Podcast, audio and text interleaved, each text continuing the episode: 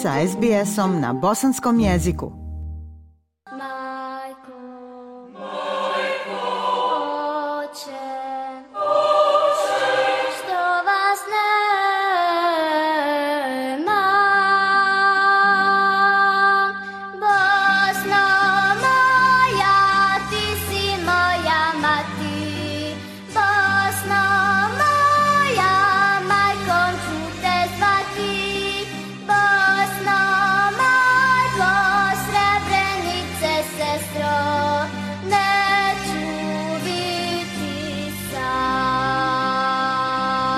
Slušate program SBS radija na bosanskom jeziku. Ja sam Aisha Hadži Ahmetović. Obilježavajući dan sjećanja na Srebrenicu, to jest na genocid počinjen nad bošnjacima od strane srpskog agresora u julu 1995. govorimo o najvećoj i neprebolnoj rani bosanske novije historije. 11. juli je najtužniji dan ratne i poratne Bosne koji bosanci i hercegovci bili u domovini ili izvan nje obilježavaju u svečanim komemoracijama u želji da očuvaju sjećanje na ubijene srebreničane. Svakog 11. jula bosansko biće kuca jednim srcem, u bolu i tuzi, ali i u istrajnosti da se svim nevino ubijenim oda poštovanje i dostojanstvo. Njegujući kulturu sjećanja te odajući počast na stradalim srebreničanima, razgovaramo danas sa tri žene iz Bosansko-Hercegovačke zajednice Australije, koje već godinama doprinose da se sačuva uspomena na svaki nedužni život izgubljen u Bosanskom ratu, organizujući ovdje u Australiji odgovarajuće komemoracije. S nama su Maida Vugdalić, predsjednica odbora Bosanske etničke škole u Novom Južnom Velsu, Mirsada Alemić Helač, Srebraničanka iz Sidneja i Amela Ademi iz Melburna. Maida, vi ste već godinama aktivni učesnik i kreator programa obilježavanja Dana sjećanja na Srebrenicu u Novom Južnom Velsu. Recite nam kako teku pripreme i šta sve programi komemoracije podrazumijevaju ove godine. Draga Ajša, najprije da vam se zahvalim na pozivu i da pozdravim sve slušatelje radio SBS-a na bosanskom jeziku. Da, kako ste i rekli u, u najavi, povod je tužan i 11. juli svaki bosanac i hercegovac bez odvira gdje bio doživljava kao ličnu tragediju. Biti učesnik programa ili koordinator u komemoracijama na sjećanje za Srebrenicu 1990 pete je velika odgovornost, ali i velika privilegija. Tako da bila koordinator, bila učesnik programa, za mene je to jedna velika čast i mislim da niko ne bi mogao da kaže ne tome, nego samo možemo prihvatiti sa velikom odgovornošću i željom da napravimo program što je moguće bolje i dostojanstvenije za naše žrtve Srebrenice. Program koji planiramo, planiramo dakle dvije komemoracije. Prva će biti u ambasadi Bosne i Hercegovine u Kamberi, čiji je pokrovitelj ambasador gospodin Kemal Muftić,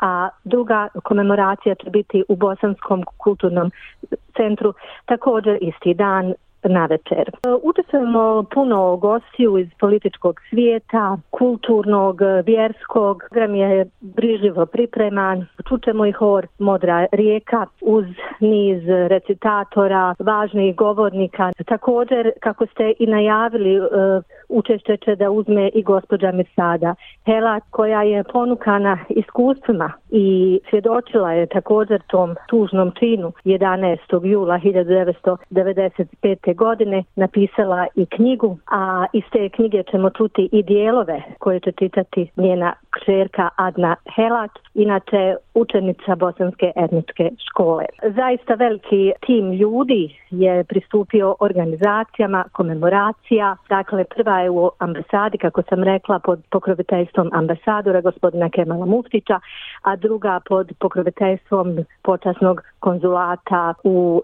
Novom Južnom Velsu i gospodina Amira Šahinovića. U ambasadi Bosne i Hercegovine u Kamberi već tradicionalno putuju i djeca, učenici bosanske škole iz Sidneja. Tamo polažu vijence cvijeća, učestvuju u programu. Maida iz ugla jednog pedagoga i učitelja bosanskog jezika i roditelja, možete li nam reći kako djeca doživljavaju ovaj dan? Da li je njihovom ne, nedužnom umu uopšte pojmljivo da se dogodilo zlo takvih razmjera u domovini njihovih predaka? Da, Ajša, e, mi se uvijek iznenadimo s obzirom da radimo sa djecom i da smo pedagozi. U stvari koliko su djeca bistra i pametna i koliko su u stanju da, da razumiju sve ono što se dešava oko njih. Mi se ograničavamo na historijski čas kada izradujemo cvijet Srebrenice i objašnjavamo im zapravo šta on simbolizira. Bijela boja simbolizira nevinost i žrtvu, zelena boja nadu, 11 latica, upravo 11. juli. Dakle, pravimo radionice izradivanja srebreničkog cvijeta. Mnogi od naših polaznika također potiču iz Srebrenice, njihovi roditelji zapravo i kao pedagog eh, ja smatram da u neke historijske detalje možemo možemo tek da ulazimo kada se radi o polaznicima srednje škole. Međutim, e, sva djeca su u stanju da, da shvate šta je dobro, a šta loše i u stanju su da, da razumiju kada je potrebno reći ne i šta je to u, u stvari nečovječnost. Oni pokazuju veoma veliko razumijevanje za cijelu situaciju i također imaju veoma bitan udio u samoj ceremoniji kada govorimo o ambasadi Bosne i Hercegovine, evo već petu godinu oni polažu cvijet Srebrenice ispred naše ambasade i zastave spuštene na pola koplja sa velikim dostojanstvom i velikom ljubavlju za sve pale žrtve Srebrenice. Majda, hvala vam za vaš angažman u očuvanju kulture sjećanja na stradale živote u Srebrenici i što budućim naraštajima u Australiji prenosite riječ istine, ma kako ona bila teška i bolna. Najvažnije je govoriti, istina se mora čuti, pravda je spora, ali, ali dostižna. Hvala vama, Ajša, a svakako dugujemo veliku zahvalnost timu koji već predano sedmicama radi na organizaciji ovih komemoracija, kako sam i rekla, i nadamo se da će sve proći u najboljem redu. Hvala još jednom i lijepi pozdravi vašim slušateljima. S nama je i Mirsada Alemić Helać iz Sidneja, porijeklom Srebreničanka, koja pak daje jedinstven doprinos obilježavanju dana sjećanja na Srebrenicu. Mirsada je kao osmogodišnja djevojčica doživjela strahote stradanja u Srebrenici i prije šest godina napisala knjigu na engleskom jeziku To the Eyes of Innocent Child, očima nevinog djeteta, u kojem opisuje svoje iskustvo stradanja u Srebrenici. Ona će ove godine govoriti o tome na svečanoj komemoraciji u ambasadi. Mirsada, recite nam nešto o knjizi i kako će izgledati vaš dio u programu komemoracije. Assalamu alaikum i dobar dan Aisha vama a i svim slušateljima SBS radija na Bosanskom. Ovako, ja smatram i mislim da su mnogi već upoznati mojom pričom i vjerovatno su bili prisutni tokom mojih obraćanja prethodnih godina. Ali smatram da je bitno da ta stravična dešavanja uvijek prepričavamo i da ne dozvolimo da ona izglede i padne u zaborav. Treba i žela koja je u meni, koju sam u sebi gajila dugi niz godina, je postojala da objavim nešto što će biti dugoročno točno i uvijek dostupno, ali i autentično. I s tim da sam bila veoma mlada, recimo dijete, odlučila sam se na memoar, znači kako dijete doživljava sve te oholosti i okrutosti jednog rata. Ako moja priča je samo jedna u nizu mnogobrojni preživjeli žrtava srebrenskog genocida, koji duboko u srcu nosimo posljedice svih tih tragičnih nemilostnih scena. Ti scena koje nas prate poput naših sjena i uvijek isponova proganjaju i nemir nam stvaraju. Ali to ujedno treba da bude i naš razlog i motiv da se borimo za pravdu pravdu, istinu i da iz svega što nas je snašlo izvučemo pouku. Evo ja ovako godinama pokušavam da predstavim tu srebrensku patnju i da prenesem svijet te činjenice rata koje sam osjetila recimo na svojoj sobstvenoj koži. Ništa nije izmišljeno, ništa izmanipulisano i nikakva propaganda. Znači to su čisto činjenice uzrokovane besmislenim ratom, predvođene nekim bolesnim liderima i, i njihovim bolesnim ideologijama. E, nije poziv na mržnju, osvetu na podjele, već da ljudske priče izađu na površinu i bude prikazana i objašnjena kao fakti široj javnosti. Recimo da, da počinitelji zlo dijela priznaju krivice i kajanje i recimo za suživot koji je neophodan za budućnost, to je prvi korak. Ne mogu se rješavati problem zatrpljavanjem istine, iskrivanjem i obmanjivanjem očiglednih dokaza. To je još jedan stepen genocida. To smo vrlo,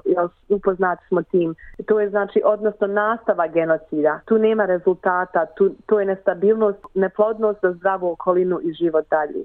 Vjerujem da je jako bolno preživljavati iste emocije koje se u stare rane bude u mjesecu julu, ali zbog budućih naraštaja mora se govoriti istina o genocidu u Srebrenici. Mirsada, koja bi bila vaša poruka slušaocima? Moja poruka slušaocima jeste da taj stravični događaj, genocid koji se desio, nikad ne padne zaboravu. Da pričamo gdje god dođemo, da nove generacije su veoma upućene u dešavanja i oni su upoznati tim činjenicama i faktima, svom to bolu koju smo preživjeli i da ne dozvoli da se tako nešto opet desi, da se ne ponavlja historija.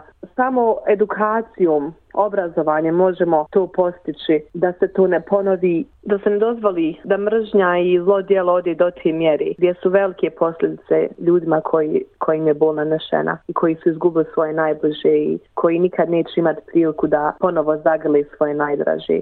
Amela Ademi iz Melburna već duži niz godina učestvuje u programima komemoracije obilježavajući dan sjećanja na Srebrenicu. Tako i ove godine, zajedno sa udruženjem preživjelih Srebreničana Podrinje 11. juli Srebrenica u Melburnu organizuje poseban program. Amela, možete li nam reći šta će sadržavati program u Melburnu?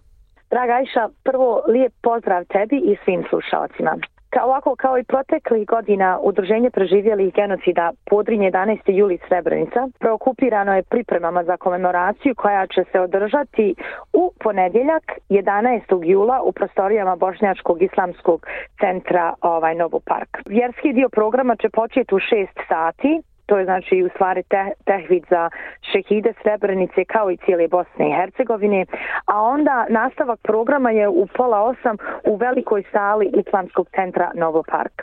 Što se tiče organizacije, sretni smo što ove godine nismo ograničeni mjerama za zabrane zbog pandemije kao prethodnih godina, a iako je mnogo naših članova udruženja trenutno u Bosni i Hercegovini, što je jako bitno, jer je to šansa da posjete svoje ognjišta i naravno odaju počast šehidima i, i svojim najbližima koji su izgubili živote, ali i, i pored toga organizacija teče u najboljem redu. E, što se tiče programa, pored e, lokalnih programa i gostiju, pored loka, lokalnih vlasti, E, multikulturnog odjela policije Islamskog vijeća Viktorije ove godine počestvovani smo zato što će nam se pridružiti i ambasador za Bosnu i Hercegovinu u Australiji i Novom Zelandu, njegova ekscelencija gospodin Kemal Muftić.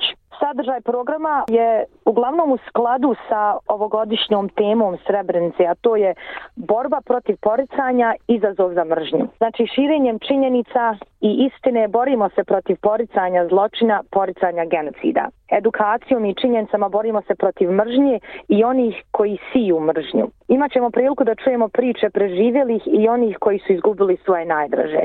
I Ajša da se zahvalim, hvala na ustupljenom vremenu i žao mi je što nećeš biti sa nama kao svih godina da medijski pokriješ e, e, naš komemoracijski program, ali drago mi je pošto znam da putuješ u našu dragu domovinu. Srebrenica je simbol stradanja svih nedužnih bosanaca i hercegovaca u ratu koji su izgubili svoje živote u Prijedoru, Višegradu, Zvorniku, Foči, Sanskom mostu, Bosanskom novom, Ključu i svim mjestima gdje su stradali nevini ljudi ljudi. U kontekstu očuvanja kulture sjećanja na taj simbol Srebrenice, Amela, koja bi bila vaša poruka?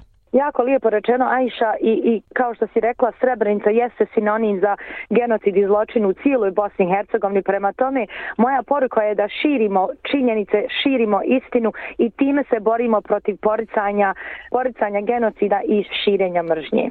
Hvala vam na ovoj poruci, Amela. I vama, Mirsada, hvala na vašoj posebnoj poruci. Sjećanje na Srebrenicu ima najveći značaj u kolektivnom pamćenju Bosanaca i Hercegovaca. Ostanite sve tri i dalje u vašoj plemenitoj misiji, a to je širenje istine o genocidu u Srebrenici i borba za pravdu.